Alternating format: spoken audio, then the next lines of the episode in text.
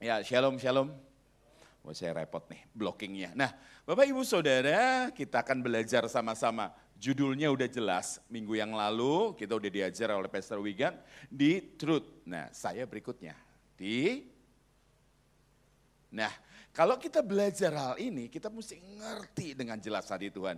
Saya boleh nggak manggil yang main keyboard tadi, boleh boleh kembali nggak? Nah, mainin pelan-pelan, kamu nggak apa-apa berdiri terus 45 menit. Saya belum ngitung mundur nih, 45 menit. Ya, saya minta untuk Pastor Wigan untuk uh, ngizinin saya untuk jalan-jalan ya. Jadi jalan-jalan. Yuk, kita sama-sama uh, saya minta saya minta saya minta ditampilkan satu artikel. Sebenarnya artikel ini uh, bulan lalu sudah saya tampilkan ke salah satu gereja yang apa namanya jadi Elevate. Tapi saya mau minta kalian lihat artikel ini. Artikel ini sangat menarik. Artikel ini sangat menarik. Nah, Bapak Ibu Saudara, ini artikel menarik sekali. Ini ini tulisnya sebenarnya di di apa namanya di NBC tahun 2018. Tetapi ketika ya karena saya bergelut di bidang entertainment, maka hari-hari ini sedang ada tren mengenai apakah perlu dibuat film Matrix keempat. Pernah dengar ya?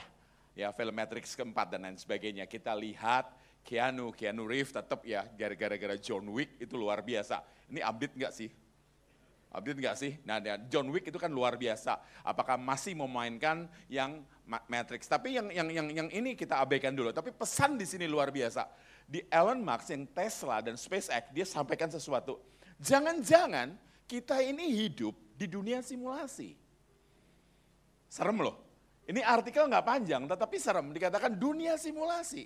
Jangan-jangan hidup di dunia ini hanya, ya, hanya persiapan untuk kehidupan yang akan datang. Ngerti ya? Hanya untuk kehidupan yang datang. Nah, masalahnya yang lulus untuk kehidupan saat ini itu nanti yang akan melanjutkan di kehidupan yang akan datang. Bagaimana untuk mereka yang tidak lulus? Pertanyaannya. Nah, dengerin baik-baik. Jangan-jangan gitu loh. Jangan-jangan ini kan eh, apa namanya Allen ini kan terkenal sekali sebagai New Einstein. Orangnya hebat sekali, bahkan New Tesla. Makanya mobilnya namanya Tesla. Kita lihat, bener nggak sih apa yang Alkitab apa yang Alkitab katakan? Kita buka dulu sama-sama Wahyu 21. Saya nggak bicara ini ya, nanti saya bicara di Efesus. Oke, kita tampilkan Wahyu 21 ayat 1. Perhatikan sungguh-sungguh. Saya ini hanya untuk tempelan aja. Lalu Aku melihat langit yang baru dan bumi yang baru. Sebab langit yang pertama dan bumi yang pertama telah berlalu. Ini Rasul Yohanes. Dia dapat penglihatan di mana? Di Pulau Patmos. Pulau Patmos itu apa? Maximum Security Prison. Kenapa? Karena Rasul Yohanes dianggap musuh bagi negara. Ini luar biasa. Musuh bagi kerajaan, musuh bagi kekaisaran. Rasul Yohanes melihat ya, kalau kitab Wahyu kitab Wahyu, ya bahasa Inggrisnya Revelation. Padahal isinya bukan melulu Wahyu. Bukan melulu Wahyu loh. Kalau kita ngelihat kitab ini namanya apa? Wahyu bahasa Yunaninya apokalipsis. Artinya yang dibukakan. Katakan sama-sama yang dibukakan. Ini menarik sekali. Nah Rasul Yohanes melihat langit yang baru dan bumi yang baru. Berarti ada langit yang pertama dan bumi yang Pertama, kita ngelihat kejadian 1 ayat 1 dan kejadian 1 ayat 2. Nih. Pada mulanya Allah menciptakan langit dan kalau Allah menciptakan langit dan bumi, mari kita pikirkan, sifatnya Allah itu sempurna. Allah itu sempurna, ngomong amin. Kalau Allah menciptakan langit dan bumi, pasti sempurna. Dan kedua sifatnya Allah, Allah selalu mengerjakan dengan tatanan. Katakan tatanan. Tatanan. Sampai sekarang ibu-ibu itu kalau hamil 9 bulan tidak pernah bisa dikompres jadi tiga bulan. Ada nggak capek tiga bulan? Dengerin, ya, dengerin. Makanya sekali lagi, banyak orang yang ketika ikut Tuhan AJBS asal ada ada Yesus beres semua. Enggak. Seakan-akan kan instan loh, ikut Yesus instan ya. Ibu-ibu, engkau ke sini, para wanita engkau ke sini, berapa lama duduk diam di depan kaca. Ngerti ya? Nah, ibu-ibu ngerti sekali lagi. Ya, saya di dunia entertainment, saya ngerti banget. Untuk yang jadi sekarang, wajah yang sekarang, perlu berapa lama treatment? Ngerti ya? Oke, nggak ada yang tanpa tatanan. Nah, Allah menciptakan langit bumi sempurna, tetapi aneh ayat 2, tolong jangan dihilangin ayatnya. Ayat yang kedua, beda banget dikatakan apa? Bumi belum berbentuk dan kosong, bayangin. Terus gelap gulita menutupi samudra raya dan roh Allah melayang-layang. Nah, antara ayat 1 dengan ayat 2 itu dijelaskan di kitab Wahyu. Apa yang terjadi? Lucifer itu, Hilal bin Sahar itu jatuh. Ingat, dia belum dihukum. Dia belum dihukum. Dia hanya dibuang. Dibuangnya ke mana? Di bumi. Dia ngacak seluruh bumi. Makanya lihat, kalau orang diacak-acak sama iblis kayak gini nih belum berbentuk. Makanya ditanya kalau ada teman punya masalah. Dia tanya, lu muka lu iya gue gelap, belum belum berbentuk dan kosong galau cek. Ya ini hidupnya kita kalau nggak ada Yesusnya. Maka Tuhan menciptakan lagi langit dan bumi. Tuhan itu mengapa? Recreate. Itu jagonya tuh. Makanya kalau kita di dalam Tuhan, kita ciptaan baru bumi pun pernah diciptakan kembali. Saya nggak ikut ributnya orang ya. Kalau saya mau ributnya orang saya bisa. Dikatakan apa? Ada dua. Satu percaya teori evolusi. Satu teori penciptaan. Penciptaan juga ada dua. Satu yang percaya old earth. Satu percaya young earth. Nah, nggak ngerti kan? Ya udah jangan terusin. Ini luar biasa, luar biasa. Nah, ketika Tuhan menciptakan dan bumi ada tatanan hari pertama, hari kedua, hari ketiga, hari keempat. Enggak bim salah bim pek langsung abrakadabra pop langsung jadi satu hari sedikit. Enggak. Satu hari, dua hari, tiga hari, empat hari, lima hari. Hari keenam baru Tuhan menciptakan manusia. Kejadian 1 ayat 26. Nah di sini pertempuran dimulai. Di sini pertempuran dimulai. Ayo. 1 ayat 26 itu yang mengoperasikan jabatannya luar biasa namanya Asrot, asisten sorot. Ya, berfirmanlah Allah, baiklah kita menjadikan manusia menurut gambar. Gambar itu bukan berarti muka kita kayak Tuhan, enggak. Tapi kita punya DNA-nya Tuhan. Apa itu? Punya pikiran, punya perasaan, punya kehendak. Nah, dan rupa. Nah, sekali lagi pahami rupa, katakan sama-sama rupa Rupa ini kalau kita diciptakan untuk mengisi pikiran, mengisi perasaan, Tuhan datangin Adam dan Hawa setiap hari. Untuk ngisi apa? Pikiran, perasaan. Makanya orang Kristen nggak bisa instan. Sekali datang ke gereja, terus kemudian bisa hidup seminggu. Nggak bisa. Nggak bisa. Kita nggak bisa download yang cepat. Nggak bisa. Tantangan Senin kita masih baterai penuh. Selasa masih baterai penuh. Rabu saham turun, semua turun. Nah tanggal 20 gimana cara ngebayar karyawan. Di situ kita mulai apa? Ngerti ya? Makanya kalau Bapak Ibu ngomong gini, Tuhan kasih aku hati yang sabar. Uh, nanti kita bisa belajar. Truth itu apa, righteous itu apa. Kita ngelihat banyak orang Kristen ngomong Tuhan kasih yang sabar. Setelah itu Tuhan turunin malaikat bawa pil sabar. Makan ini nak, tiga kali sehari, kali setahun, dijamin kamu sabar. Enggak bisa. Kalau engkau berdoa, Tuhan kasih aku hati yang sabar. Yang turun apa? Sorry ya Pak Wigan, sorry ya Ibu ya, saya ngomongnya kasar. Kalau kita, kalau kita nih ngomong Tuhan kasih sabar, yang datang apa? Besok kita lewat dekat Salemba. Iya, kita pakai mobil aman, nyaman, tenang. Kita nyetir bener, kecepatan bener, semua bener Eh, ada ibu-ibu, eh ada tante-tante pakai daster, pakai Honda Scoopy, riting kiri beloknya ke mana? Hanya Tuhan yang tahu. Dia sendiri nggak tahu. Betul nggak? Dia belok seenaknya sendiri. Bayangin. Bayangin, di situ kita belajar sabar. Makanya bagi saya orang Kristen nih, ya, kalau saya nggak belajar firman Tuhan, saya cerita sedikit. Saya lahir indigo, parah indigo. Saya kalau Bapak Ibu pernah lihat ada satu kesaksian saya kesaksiannya cukup parah. Saya nggak pernah, saya nggak mau cerita lengkap. Habis waktu saya, saya hanya dikasih oleh Pak Wigan 45 menit. Saya nggak punya. Ya kecuali saudara teriak terus baru saya jalan. maaf maaf, saya belok sana. Ngerti ya? Bagi saya belajar bela diri sejak kecil dan saya sendiri guru saya, guru saya itu tidak terlihat Jadi saya belajar bela diri dan kemudian setelah jadi Kristen pun saya belajar. Sampai hari ini pun masih belajar saya. Ya, dua aliran bela diri yang cukup keras, satunya pakai pedang. Nah, dengerin, dengerin bagian ini. Bagi saya yang nggak masuk akal adalah kekristenan itu apa? Tampar pipi kiri, beri. Suruh puasa bisa saya pak. Pak, kejawen kan saya dulu. Suruh puasa bisa saya. Suruh mute mati geni, ngeluang. Mute itu makan yang putih-putih. Ya, mati geni nggak pakai api, bisa tapi ketika apa? Ketika suruh meluang, suruh dikubur, bisa.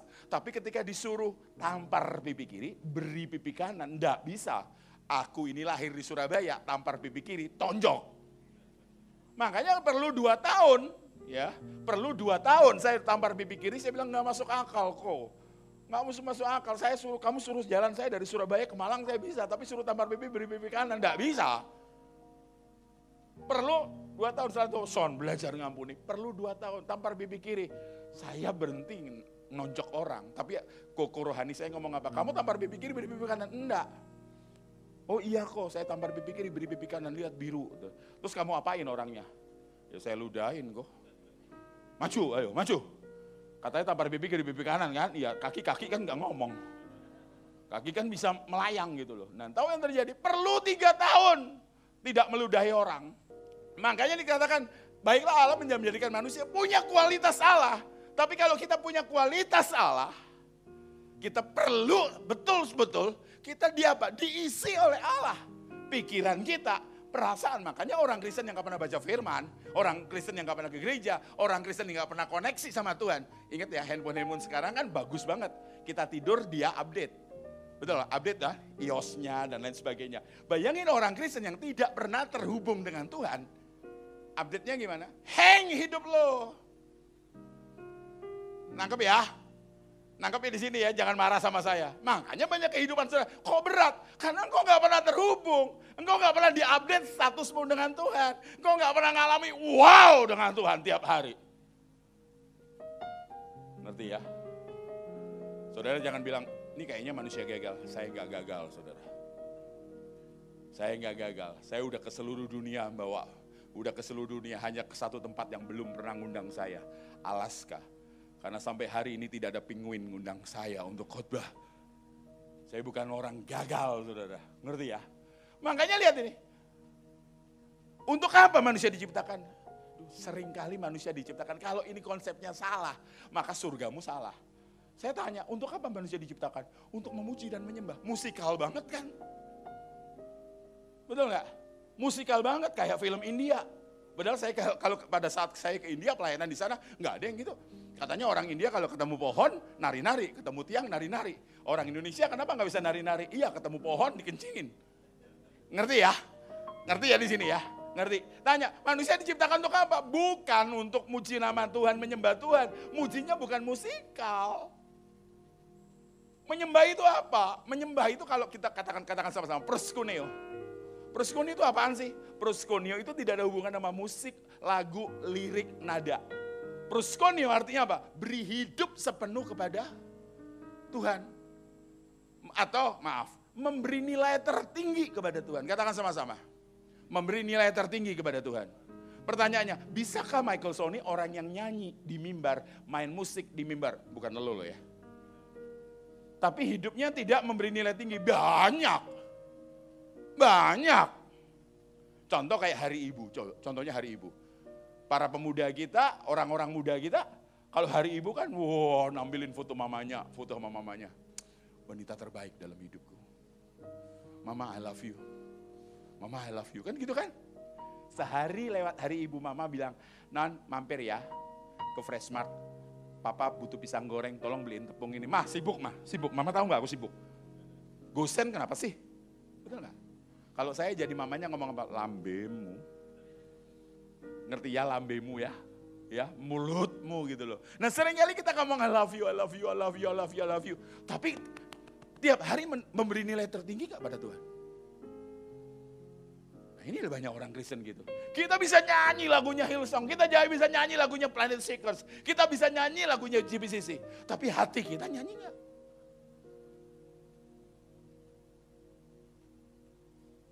Ngerti ya? Ngerti sampai di sini ya? Mau beri nilai tinggi nggak sih? Kalau hari ini Pak Jokowi bilang, aku nginep di rumahmu. Saudara kasih kamar yang mana? Kamar yang terbaik. Saudara bahkan berani ngungsi ke kamar yang lain. Demi Pak Jokowi dapat kamar yang terbaik, yaitu kamarmu. Kalau engkau nonton sepak bola, ya nggak di Liga Inggris sama Liga Italia lagi di lagi di lockdown gak ada nih. Tapi kalau lagi sepak bola, sepak bola kalau nonton kan malam-malam kan enaknya sambil makan kacang, sambil teriak-teriak. Tapi kalau Pak Jokowi nginep di rumahmu dan Pak Jokowi senengnya tenang, engkau moodnya, mood suara ganti mood apa? Getar. Lagi gol. Nah kalau Tuhan ada di sini, hidup kita benar, bisnis kita benar, kita memperlakukan istri kita dengan benar, memperlakukan pacar kita dengan benar. Semua hidup kita jadi Pak Wigan jangan diundang lagi nih. Bahaya nih orang. Makanya saya biasa, saya tadi Pak Wigan ngomong 45 menit, aduh syukur. Di satu gereja hanya boleh 25 menit. Tapi kayaknya nabrak ya, maaf ya Bu. Nangkep ya, sampai di sini. Manusia diciptakan untuk apa? Berkuasa atas lautan, berkuasa atas udara, berkuasa atas, ini bukan avatar ya. Lanjut, berkuasa atas apa? Ya, lanjut. Lanjut. Atas tendak, atas bumi. Ini luar biasa. Laut, udara, bumi. Tapi ada satu yang nyelip. Binatang melata. Siapa ini? Iblis. Sebenarnya bukan iblis, setan. Hilal bin Sahar. Lucifer jadi manusia diciptakan untuk ngalahin iblis. Tapi manusia dikalahkan iblis. Ngerti ya? Sampai muncul, muncul rescue plan. Yesus lahir. Kejadian 3.15. Nanti saya langsung masuk topik. Jadi salah kalau orang Kristen ngomong peperangan rohani, peperangan rohani. Pakai minyak urapan, pakai garam lah, pakai cairan-cairan ini, sekarang tambahin disinfektan. Buset dah ini setan kok apa gitu loh. Saudara boleh tanya saya setan tuh kayak apa nanti setelah selesai ibadah. Iya, dikatakan apa? Aku akan mengadakan permusuhan antara engkau, setan, aku akan mengadakan permusuhan antara engkau, Hilal bin Sahar, dengan perempuan ini. Ini pun aneh. Kalau saudara jeli, para bisnismen yang jeli, ngelihat di situ ada ada Adam, ada Hawa, ada Lucifer. Harusnya ditanya ngomong ini antara keturunanmu ular dan keturunannya Adam. Karena tidak mungkin Hawa hamil tidak ada sponsor utamanya. Coba bayangin, coba bayangin anakmu pulang dari kampus ngomong apa, ma aku hamil. Kenapa? Karena matahari mah. Nggak ada. Harus ada insepsi dulu. Tapi yang ini dikatakan apa? Seakan-akan Tuhan tidak ngerti. Tuhan cerdas. Aku akan mengatakan antara engkau Lucifer dengan perempuan ini antara keturunan dan keturunannya. Artinya akan akan lahir seorang keturunan dari perempuan tanpa campur tangan laki-laki.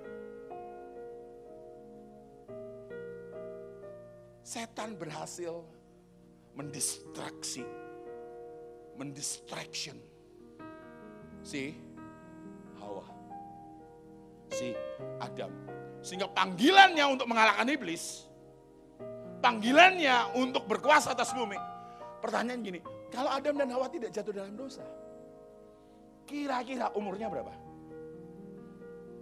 Umurnya di bumi berapa? Umurnya di berapa? Ayo dong. Ya? Ini banyak yang muda loh di sini. Ibu-ibu langsung. Gimana? Abadi. Ada kematian enggak? Enggak ada. Ada neraka enggak? Ada surga enggak? Enggak perlu.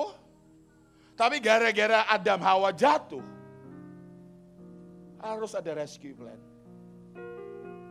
Akan ada seorang perempuan yang hamil tanpa laki-laki. Ada ayatnya, ada Lukas 1 ayat 20 ayat Lukas 1 ayat 27. Mulai dari 26. Saya harap saya bisa lari cepat nih. Bahannya banyak, saya udah nawar ke gembala saudara tapi katanya nggak boleh harus stick di tema ya udah. Dalam bulan yang ke-6 Allah menyuruh malaikat Gabriel. Gabriel tuh malaikat yang punya nama. Nama itu adalah penugasan. Ya, pergi ke sebuah kota di Galilea bernama Nazaret. Katakan sama nama Nazaret. Nazaret. Lanjut. Ini bagus banget. Kepada seorang, kata perawannya dihitung. Kepada seorang perawan yang bertunangan dengan seorang bernama Yusuf dari keluarga Daud. Nama dua kali. Katakan sama-sama Almah. Katakan sama-sama Partenon. Partenon itu artinya apa? Bukan hanya perawan, tapi never been touched sama never been kissed. Beda sama perawan zaman now kan. Makanya kalau ada ada orang pemberkatan nikah gitu kan, pakai cadar gitu kan. Terus gembalanya ngomong ini, mari silakan pengantin pria membuka cadar pengantin wanita dan mencium pengantin perempuan untuk pertama kali. Apa? Pertama kali. Bibir galudes gitu kok. Nah lihat yang ini, lihat ini, sungguh nih, dengerin. Perawan ini, saudara tahu, aturan Yahudi. Kalau sampai disentuh, harus dibuat lubang dan dilempari batu. Yesus akhirnya lahir dari Maria. Luar biasa. Yesus bisa jadi sempurna. Yesus pernah di distraksi enggak? Pernah. Waktu apa? Yesus habis puasa. Tiga kali itu meremeh yang dua, tapi yang satu yang paling bahaya. Lucifer ngomong apa? Lucifer ngomong apa sama sama sama Yesus? Kalau kamu sujud menyembah aku, aku akan berikan. Artinya kenapa? Yesus, kamu nggak usah disalib. Nggak usah pakai disalib. Kamu cukup menyembah aku. Aku akan berikan seluruh dunia. Aku berikan umat manusia. Aku berikan alam roh kepada kamu. Kamu jadi rajanya. Dan terkah siapa yang jadi Tuhannya? Lucifer. Yesus ngomong, pergi. Nah kita mau belajar nih. Cara ngusir setan. Bukan berarti pulang dari sini sudah jadi eksorsis semua ya. Corona nggak bisa ya. COVID-19 nggak bisa ya. Dalam nama Yesus keluar, nggak bisa. Nggak bisa. Makanya orang Kristen itu perlu tatanan gitu loh. Saudara nggak bisa baca Mazmur 91 sambil duduk diulang pagi satu, siang satu, malam satu, emang puyer. Puyer sakit kepala, nggak bisa. Ngerti ya di sini ya? Yuk kita belajar. Kita belajar di mana sebenarnya yang Tuhan mau. Kita harus hidup di dalam truth. Tapi satunya mesti jelas. Righteous. Righteousness. Kita lihat di mana ayatnya kita buka. Sama-sama Efesus 6 ayat yang ke-10. Kita lulus ini, kita masuk langit baru, bumi baru. Nah, kita lihat sekarang, lihat sekarang, lihat sekarang. Ya, akhirnya hendaklah kamu kuat di dalam Tuhan. Saudara kalau mau baca, kata akhirnya saudara mesti baca Efesus 1 sampai Efesus 5 selesai. Baru bisa bicara, akhirnya hendaklah kamu kuat di dalam Tuhan. Ya, di dalam kekuatan kekuasanya. Nggak bisa kuat di tempat yang lain. Nggak bisa. Harus kuat di dalam Tuhan. Dan kuat di dalam, ini dua. Saya nggak punya waktu untuk bahas, pelanin dikit aja. Ya, Lanjut ayat 2, ya ayat 11. Kenakanlah, Bapak Ibu, iblis itu jagonya distraksi. Dia berhasil mendistraksi, mengalihkan perhatiannya si setan selama bertahun-tahun. Makanya saya minta uh, tuh, distractionnya, saya minta gambarnya ada serem tuh. Tuh, banyak orang yang nggak sadar. Kayak saudara, saudara mau apa? Saudara mau ngerebus, mau ngerebus ini nih kodok. Saudara rebus aja kodoknya dimasukin. Dia nggak akan tahu kalau mau dia dibunuh. Kita ingetin, eh ntar lagi tuh direbus. Enggak. Dia panas, dia baru sadar ketika apa? Toleransi panasnya, dia udah nggak bisa terima. Kita seperti itu. Makanya dikatakan apa? Ayatnya kembali. Yuk. Kenakan seluruh pernapas senjata Allah Kok senjata Allah? Iya, karena kita dalam peperangan rohani. Kita mesti battle mode. War mode. Ngerti ya saudara ya? Kenakan, nggak bisa. Kalau kenapa? Karena perjuangan kita ini lain. Ayo, nanti saya akan lihat. Ayat 12. Eh sorry, sorry, ayat 11 kembali. Dikatakan supaya kamu dapat bertahan ini jagonya. Minggu yang lalu Pastor Wigan bicara, iblis itu bapak pembohong. Dia pinter banget kok, pinter banget. Pinter banget membelokkan tuh pinter banget. Bayangin ya, Elia itu mujizatnya luar biasa. Elisa itu dua kali lipatnya Elia. Harusnya di bawahnya Elisa ada namanya Gehasi. Harusnya empat kali lipat dari Elia. Tapi gagal kena kusta. Bayangin. Bayangin. Di neraka nanti ada satu bagian, ini dikatakan apa? Neraka itu ada ratap tangis kertak gigi. Katakan sama-sama, kertak gigi. Terjemahannya saya baca merinding. Karena kertak gigi ini artinya apa? Penyesalan yang tidak kunjung usai. Kalau saudara ya berantem sama mama, belum sempat minta maaf, mama udah keburu meninggal, itu penyesalan yang gak kunjung selesai. Kita dikasih kesempatan sama Tuhan hidup di bumi ini 70-80 dan kita tidak manfaatkan. Waduh, itu penyesalan yang luar biasa Penyesalan yang luar biasa. Makanya dikatakan apa? Lawan tipu muslihat iblis. Iblis diberikan apa? Nanti kita lihat reaksinya di mana. Nanti muncul. Berikutnya, ayat 12. Dikatakan apa? Karena perjuangan kita bukan melawan darah dan daging. Enggak. Sama sekali enggak. Tapi kekuatan di baliknya. Ya, saudara-saudara lihat orang-orang jahat di luar sana. Ada kekuatan di baliknya yang mendistraksi hidupnya. Saya saya saya cari program, saya browsing di YouTube, saya browsing di program internasional. Saya ketemukan satu. Ada ada ada ada anak sepasang sepasang anak kembar di Karo, Saudara 32 tahun yang lalu. 32 tahun yang lalu, Karo kembar identik sama-sama laki. Waktu kembar karena apa? Waktu lahir kembar karena kemiskinan maka satu anaknya diadopsi oleh di Belanda. 30 tahun kemudian, 30 tahun kemudian anak yang di Belanda ini minta, "Mah, sama papa mamanya yang bule, aku mau ketemu dengan papa mamaku yang asli." Ini dari PMI Internasional, luar biasa, bagus. Dari Palang Merah Internasional. Dan tahu yang terjadi sudah dicari. Ketemulah di Karo, masih ada di Karo, papa mamanya masih lengkap. Waktu ketemu di Karo, kaget. Mukanya sama, hanya yang di Karo lebih tua. Yang di Karo badannya penuh tato. Yang apa? Yang badannya penuh tato, peminum berat. Ini pernikahan yang ketiga, narkoba, pernah dipenjara dua kali. Sementara yang di mana? Yang di Belanda, dia seorang perwira militer.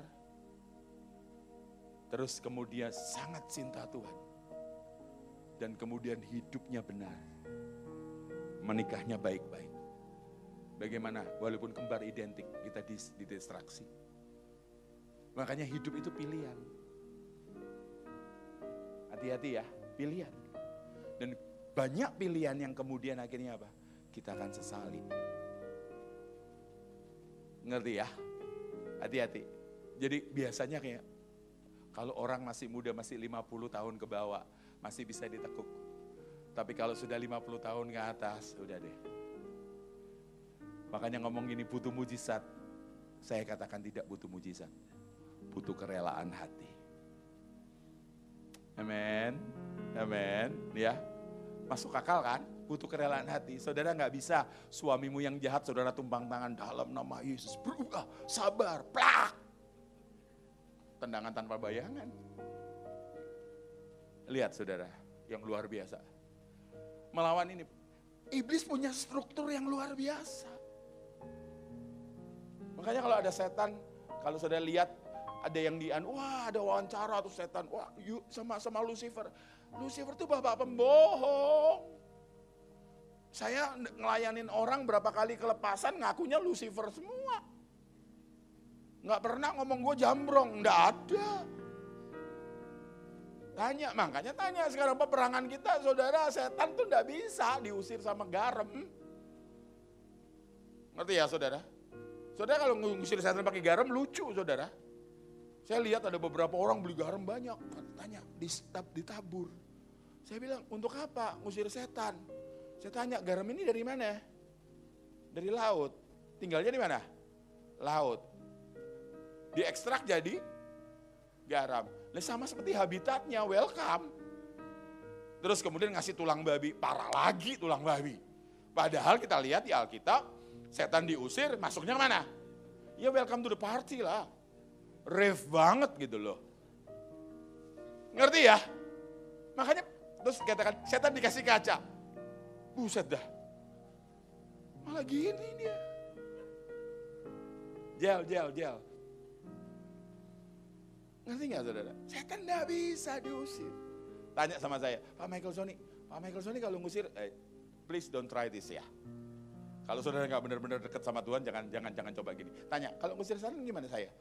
Saudara, setan tuh ya, uh, sorry, kalau saya perjalanan pergi ke daerah kecil, teman saya bilang, bro, bro, bro, pipis bro, pipis bro, pipis. Kencing, kencing bro, kencing. Saya ketik ya namanya cowok kan gampang ya, langsung masuk ke semak-semak, langsung pipis. Dibilang, bro, jangan lo bro, lu ngencingin anak jin, nggak apa-apa, waktunya keramas. Saya hamba Tuhan, sering kali karena saya khotbah keras, saya sering kali disantet saudara, sungguh. Saudara boleh datang ke rumah saya.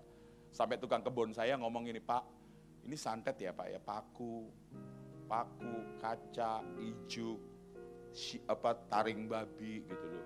Oh ya sekali-sekali disantet surat berharga, emas, batu permata gitu supaya gampang gitu Pak saya ngebersihin atas Pak tukang kebun saya.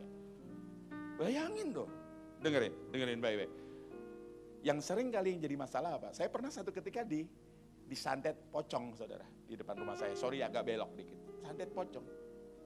Saudara pikir saya malam-malam jam 2 anjing saya gonggong dua herder besar. Saya tinggal di Malang. Terus saya, istri saya bilang, Pak, lihatin tuh ada siapa. Seringkali kadang-kala ada orang malam-malam berantem sama suaminya karena kami konselor.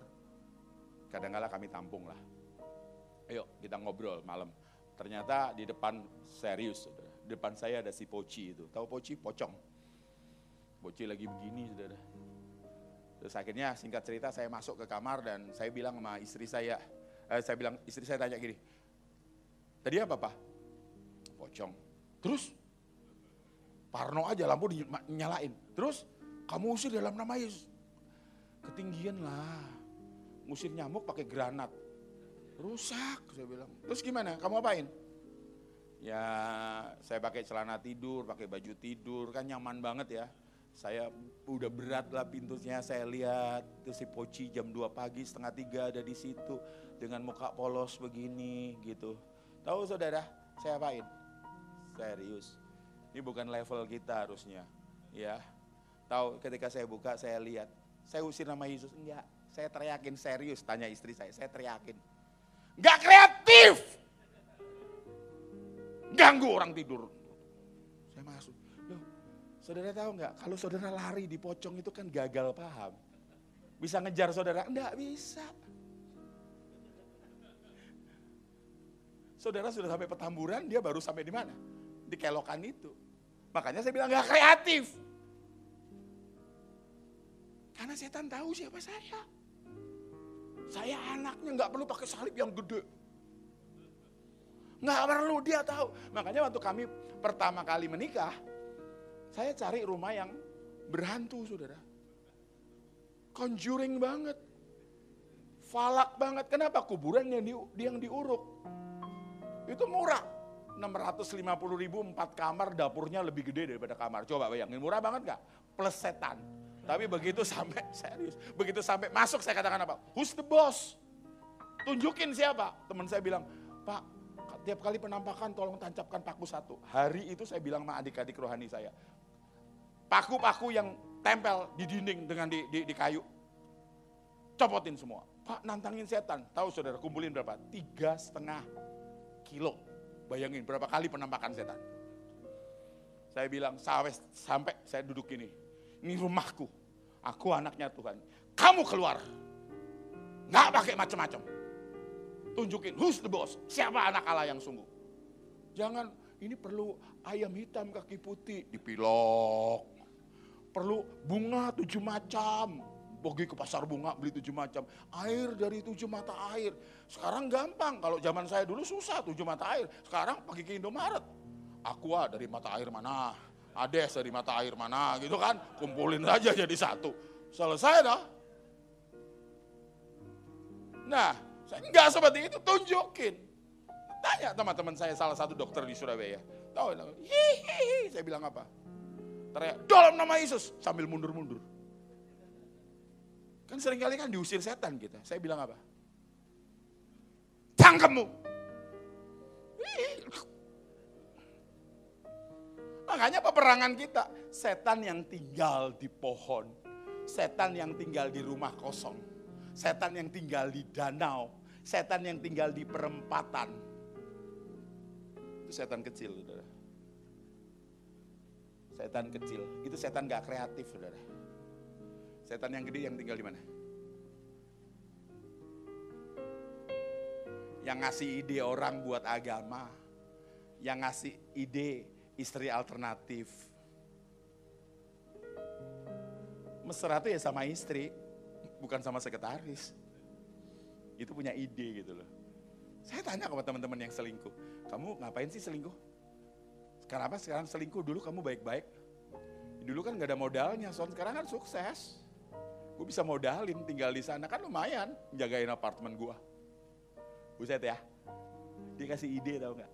Hati-hati ya, kesuksesan itu buntutnya kadang-kadang gak enak. Oke, kita lihat sekarang. Lanjut. Ayat 13. Ini strukturnya iblis. Sorry agak lama. Sebab itu ambillah perlengkapan senjata Allah. Supaya kamu dapat mengadakan perlawanan pada hari yang jahat itu. Ini bukan hari yang jahat. Covid bukan hari yang jahat, ini baru try out. Kalau mau unas ini try out. Ini belum saat yang jahat. Kita masing-masing punya berhadapan sama hari yang jahat. Sebenarnya ada stepnya orang Kristen loh. Stepnya orang Kristen tuh ada. Gitu loh. Pertama kali kalau kita hidup itu satu, ya dikatakan apa? Bisa berbuat dosa, bisa berbuat dosa, BBD, ya, dan mau berbuat dosa. Ini mau nih. Tapi orang Kristen yang maju, stang, siapa, maju terus dalam Tuhan, bisa berbuat dosa, tapi tidak mau berbuat dosa. Sudah tidak mau. Yang terakhir, sudah tidak bisa berbuat dosa dan tidak mau berbuat dosa. Sama seperti ibu-ibu. Di sini sudah sudah kelebihan berat badan. Sudah dilirikin. Nah, di sini di sini mulai mulai apa? Di sini mulai apa? Masih masih apa? Masih pengen. Kalau orang Chinese-nya Surabaya ngomong masih damcia. Masih rakus gitu loh. Di sini masih lihat gini di sini masih. Di sini nggak bisa, pokoknya mau dah. Di sini mulai. Mulai sampai satu terakhir ditawarin orang Indonesia kan ke mana-mana kan butuh nasi ya. Kalau nggak makan nasi ditanyain belum makan. Padahal udah roti udah lima tadi. Tapi belum makan. Nah sampai udah ngurangin. Satu olahraga. Hari pertama datang ke fitness, pulang itu saudara itu bisa refleksi bisa lima jam. Masat bisa tiga jam. Udah kayak SpongeBob betul. Betul loh, tapi sampai pada taraf di sini udah beda. Masih ngomongnya apa? Hari ini sajalah. Kan gitu kan, excuse-nya baca, hari ini saja. Hari ini saja. Yang cowok-cowok, semalam saja bersamamu mengenang asmara kita. Nah di sini masih nih. Tapi yang di sini, beda banget. Ditawarin, maaf ya, cukup. Aku udah makan tadi siang. Hormatilah, sudah cukup. Di sini prosesnya, inilah yang dikatakan sempurna.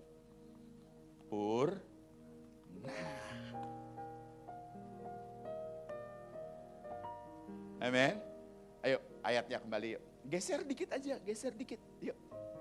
Udah cukup, cukup, kamu duduk. Nah mereka lebih berotot daripada kamu. Dia fokus pertumbuhannya otot perut. Terus, jadi berdirilah tegap. Nah ini yang kita bahas sekarang. Berikat pinggangan kebenaran, jelas terus. Ini dasar, ini perlu komitmen. Tanpa komitmen tidak bisa. Hidup di dalam truth itu harus komitmen, tidak bisa.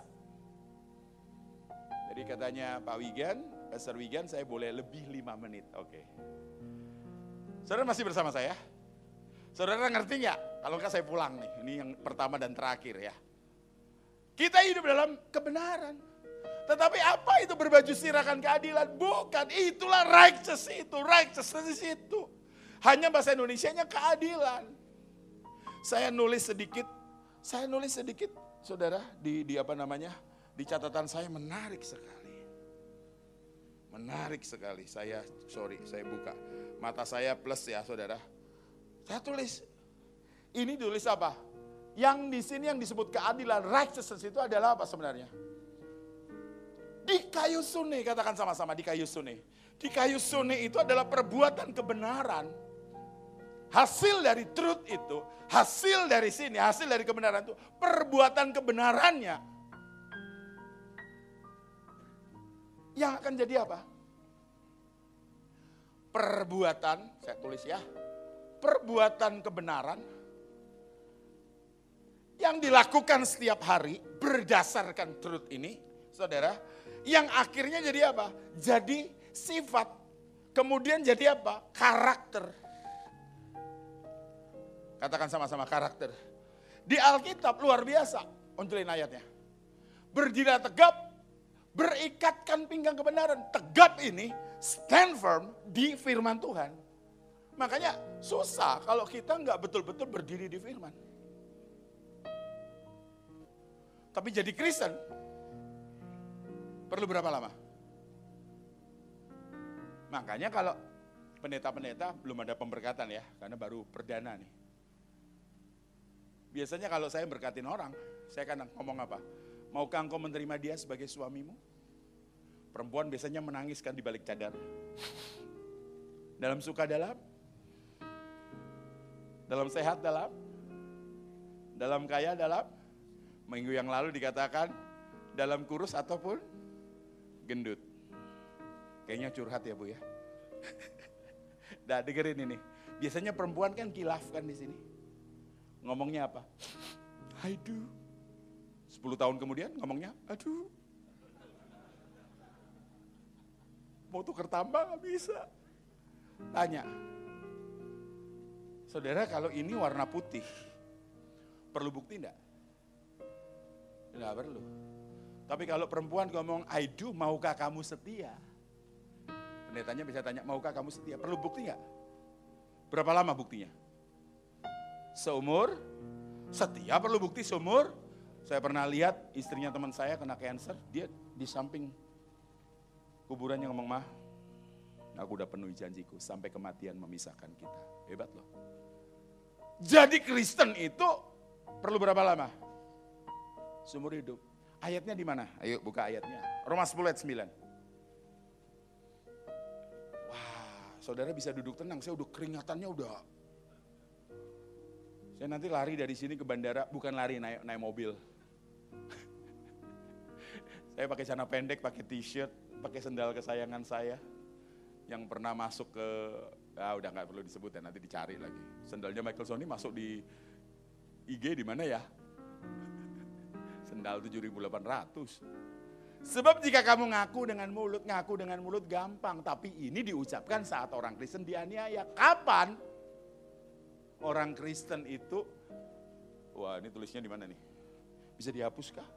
Kalau engkau baik, saya yakin engkau baik.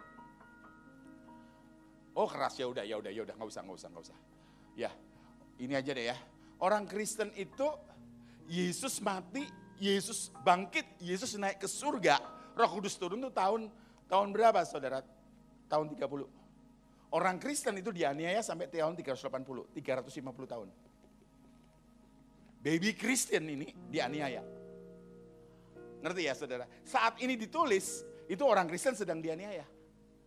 Jadi ngaku dengan mulut, saat itu lima hal terjadi. Satu ditangkap, satu ditangkap, kedua dimiskinkan, ketiga dianiaya. Ya, jadi pada saat ayat ini muncul, itu orang Kristen sedang dianiaya. Jadi ngaku dengan mulut, fatal. Belum ngaku orang udah tahu gimana. Dia tuh dia apa di kayu suninya itu apa? hidupnya, truth yang keluar lewat perbuatannya itu. Kelihatan. Mereka melihat Yesus, hasil dari apa? Di kayu sune itu, hasil dari itu yang ditulis keadilan tadi itu. Itu muncul lewat perbuatan. Makanya orang melihat Yesus di jemaat yang pertama. Nah orang lihat kita lihat Yesus atau lihat siapa? Saya satu ketika pernah marah. Ini Pak Wigan.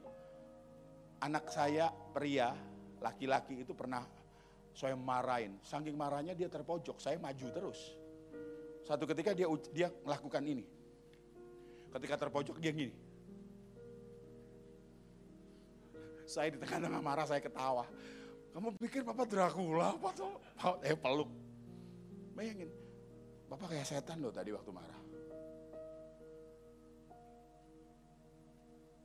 Ngerti nggak? Jadi kalau kita tadi ngomong, apa righteous itu? Righteous itu apa? Adalah perbuatan kebenaran yang nampak keluar. Yang tangible, yang orang bisa rasa. Life house ini harus setiap orang di sini ada citra Yesus. Sehingga orang lihat, kita nggak perlu promo, nggak perlu artis ngundang ke sini, nggak perlu. Orang lihat engkau, lihat apa? Yesus. Dan orang akan bilang apa? I'll follow you wherever you go, I'll follow you. Please. Makanya truth itu butuh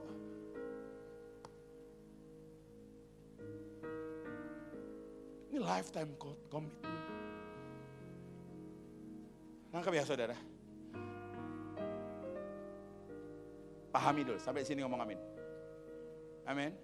Makanya tanya, kan dan percaya. Jadi Kristen itu seumur hidup. Tadi saya ngomong Pak Wigan. Kalau kalau kalau ini warna putih, nggak perlu bukti. Tapi kalau perempuan, misalnya engkau yang memberkati, diberkati maukah engkau menerima dia sebagai suamimu dalam suka dalam duka, dalam sehat dalam dalam kaya dalam dalam kurus dalam minggu lalu kan saya nontonin loh. Tahu saudara? Dan perempuan bisa ditanyain, maukah kamu setia? Biasanya perempuan kilaf tuh. Ngomongnya apa? I do. 20 tahun kemudian ngomongnya apa? Aduh. 5 tahun kemudian, betul nggak?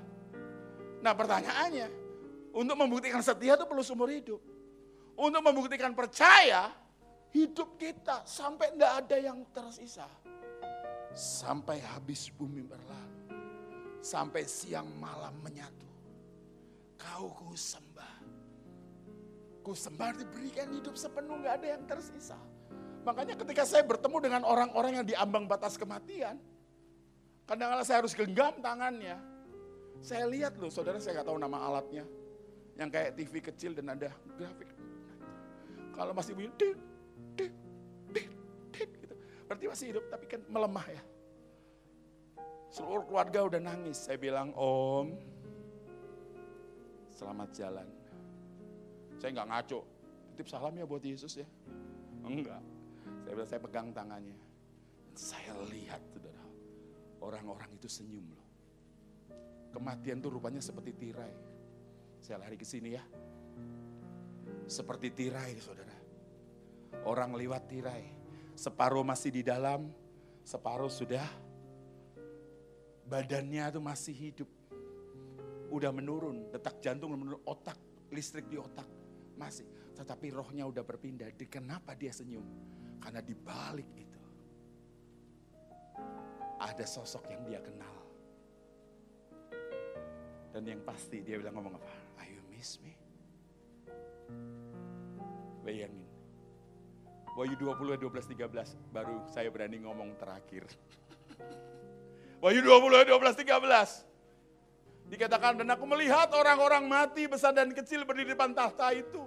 Lalu dibuka semua kitab. Dan dibuka suku kitab lain yaitu kitab kehidupan. Dan orang-orang mati dihakimi menurut. Tidak dihakimi menurut iman. Justru kita dihakimi menurut apa? Truth yang keluar. Menjadi righteousness itu kebenaran yang dilakukan setiap hari sampai jadi karakter. Jadi kita enggak, kita gini saudara, kita terhubung dengan Tuhan 24 jam. Jadi ada orang yang ngomong Pak Michael Sony, saya kesepian. Saya katakan, how come kamu kesepian? Saya tanya, saya udah ke seluruh bumi ini. Tadi saya katakan, saya tanya, Tuhan ada di mana? Mereka jawab, Tuhan di sini. Roh Kudus di sini. Kalau Tuhan ada di sini, Tuhan yang ada di sini teman dengan yang di surga sama nggak Bapak Ibu? Kekuatannya sama nggak? Anggap ya, ngerti ya? Kalau Tuhan yang di sini dengan yang di surga sama, dan Tuhan tidak pernah meninggalkan kita, kita yang fata morgana didistraksi bahwa seakan-akan Tuhan meninggalkan kita, kita tidak pernah ditinggalkan. Saudara yang merasa ditinggalkan. Jadi nggak ada kesepian. Aduh. Coba sih, coba sih para wanita di sini yang punya suami. Coba saudara perasaan, aku punya suami kayak janda ya. Buset enggak? Kamu menghina suamimu. Seakan-akan suamimu nggak ada. Kita ini menghina Tuhan kalau kita kesepian. Maafkan saya ngomong gitu. Jadi iblis lagi kerja keras hari ini mendistraksi saudara. Mau nggak mau. Peperangan rohani. Saya tadi kita katakan bukan melawan roh-roh jahat yang biasa. Tapi roh jahat yang ada di pikiran. Dibelokkan. Saya bangun dari dari dari tidur saya dapat laporan handphone saya OS-nya sudah di-upgrade pada saat saya tidur. Handphone saya sendiri dua hari sekali, tiga hari sekali, bahkan beberapa kali tiap hari di-upgrade. Kalau kita nggak pernah connect sama Tuhan, kita nggak pernah di-upgrade. Akibatnya kehidupan kita hang, kehidupan kita error. Yuk, Pak Michael Sony saya nggak bisa nyanyi, Pak Michael Sony. Saya tadi katakan proskone itu apa? Memberi nilai tertinggi, menghargai Tuhan dalam hidup kita say thank you. Aduh, suara saudara mungkin gak enak. Saya sudah tahu, kalau saudara suaranya enak, pasti ikut audisi. Pak, saya nggak bisa main musik, tapi hatimu menyenangkan. Hatimu menyenangkan Tuhan ibu-ibu. Mungkin kalau engkau nyanyi, peternakan yang ada di belakang rumah langsung pindah. Karena ayam mati separuh. Tapi hatimu, Nanti gak saudara? Saya, aduh, bisa kebayang gak sih? Saya, saya lahir indigo, saya lahir IQ hanya 90 waktu saya dikasih tahu sama mami saya, dibawa ke dokter, dibawa ke, ke psikolog, dikatakan sama bu maaf. Kayak anaknya, anak kamu gak bakat sekolah. Kenapa? Insya Allah SMP 5 tahun. Serius loh, insya Allah SMA 5 tahun. Insya Allah tidak bu perguruan tinggi karena minimal bisa 20 tahun. Mami saya nangis. Makanya, aduh saudara, saya tidak punya kepentingan apa-apa loh di sini. Saya hanya mau saya ketemu wajah saudara. Nanti saya, saya mau ketemu wajah saudara semua. Pada saat nanti di pintu gerbang surga. Gak tau lah Pak Wigan sama saya lah. Nanti duduk di samping sana absen. Live house, oh ada, ada live house. Bayangin. Makanya suami-suami jangan pernah titip karena ada acara tengah minggu ya. Ini masih di masih masih di reschedule. Kalau ada acara tengah minggu, suami ikutlah. Ini nggak ada pesan ya dari engkau yang nggak ada. Ikutlah, jangan titip salam, jangan ngomong ini. Mah, titip salam ya buat Yesus, jangan. Ntar istri kamu masuk surga dan dari surga ngomong ke bawah gini, Pak, ya salam dari Yesus. Pedih ya? Mau ya? Tadi saya lihat as for me and my house. Aku dan keluarga aku, aku memilih untuk menyembah Tuhan. Menyembah, memberikan nilai tertinggi, menghargai Tuhan. Sampai nggak ada yang kesisa. Amin. Saudara jadi tasteless dengan dunia, serius. Berharga, saya jalan-jalan seperti saudara. Saya makan enak seperti saudara. Tapi kehilangan perasaan tertinggi, keindahannya itu hilang. Berganti dengan apa? Keindahan Tuhan. Dan waktu bisa hilang.